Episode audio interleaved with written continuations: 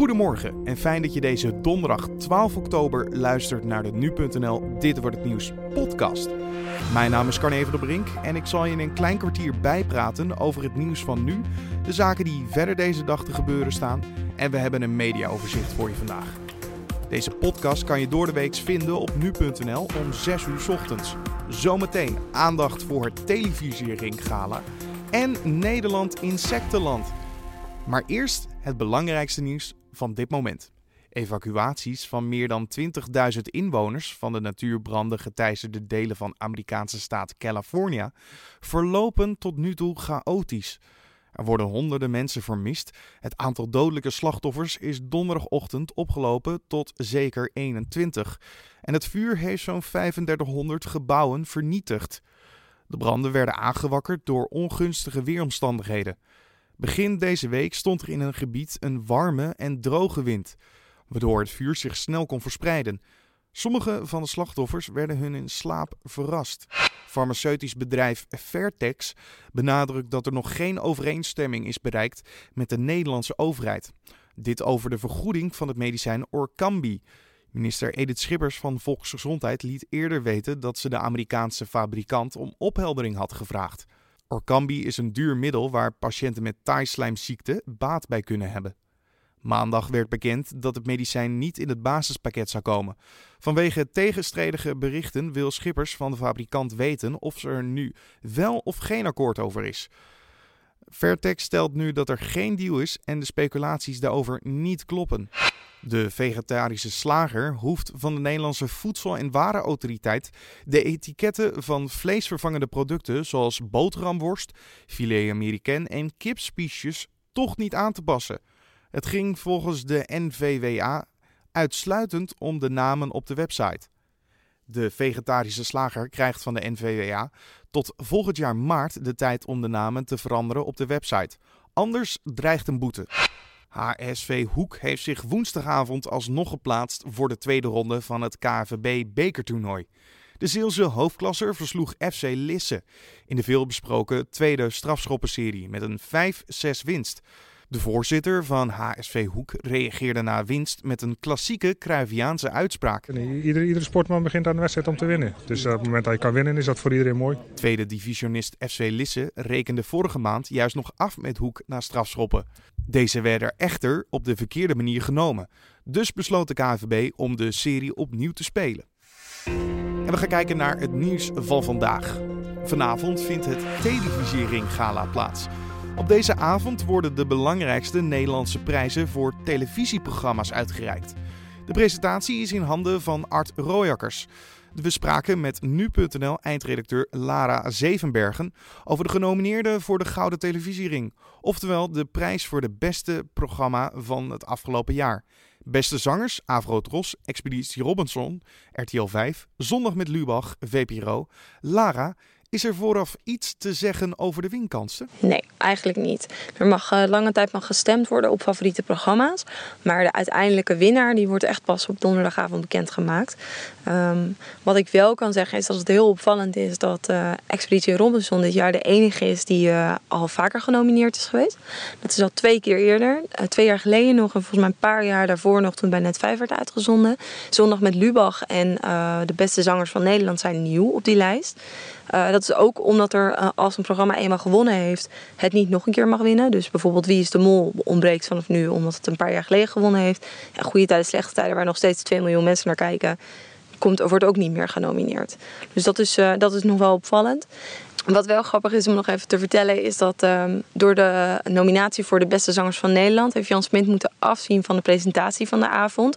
Hij heeft het programma meerdere keren samen met Art Royakkers gedaan.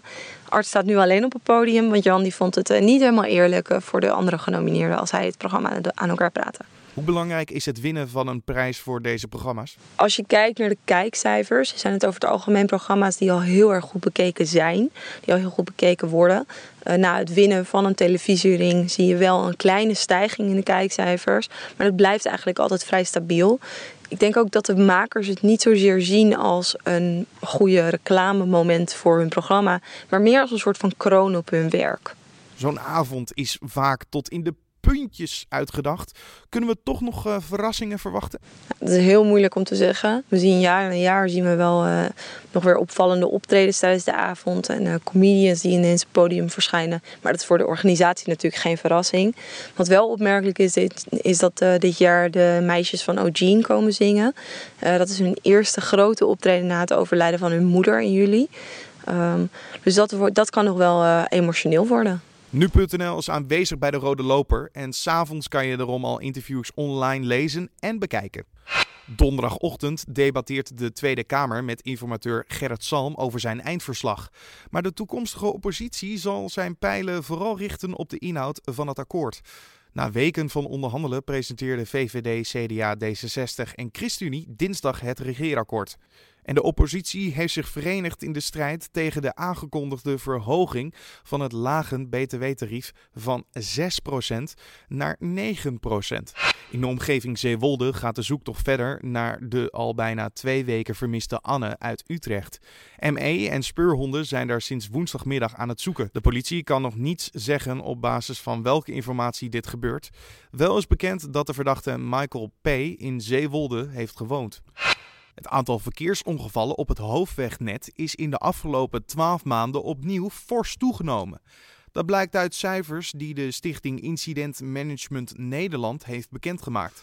Het aantal incidenten waarbij bergingsbedrijven in actie moesten komen is in de afgelopen 12 maanden opgelopen naar ruim 2600. Dat is in vergelijking met vier jaar geleden een toename van 27% Vooral op de A12 bij Arnhem en op de A73 bij Nijmegen nam het aantal verkeersongevallen fors toe. De stichting heeft geen eigen gegevens over de oorzaken van ongevallen, maar ziet een verband met het toenemend gebruik van de smartphone.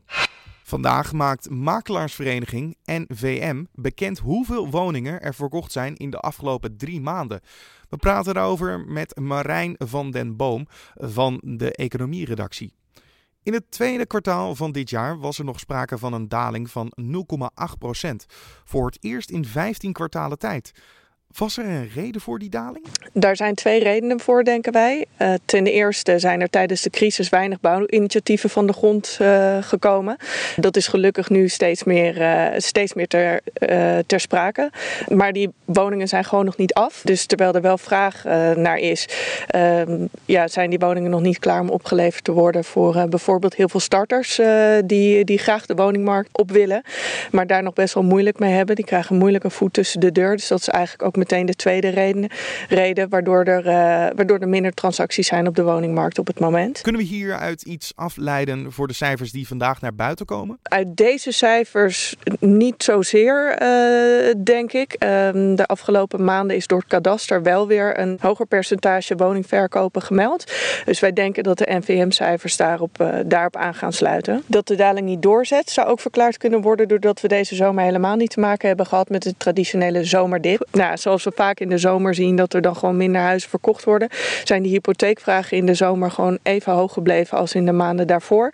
Dus wij denken daaruit ook op te kunnen maken dat, uh, dat de woningverkopen zelf ook weer uh, gestegen zijn. In het nieuwe regeerakkoord staat ook nieuwe regels voor huizenbezitters, zoals de verlaagde hypotheekrente. Het is nog niet zover, maar gaan we het effect van dit regeerakkoord al terugzien in het laatste kwartaal van dit jaar?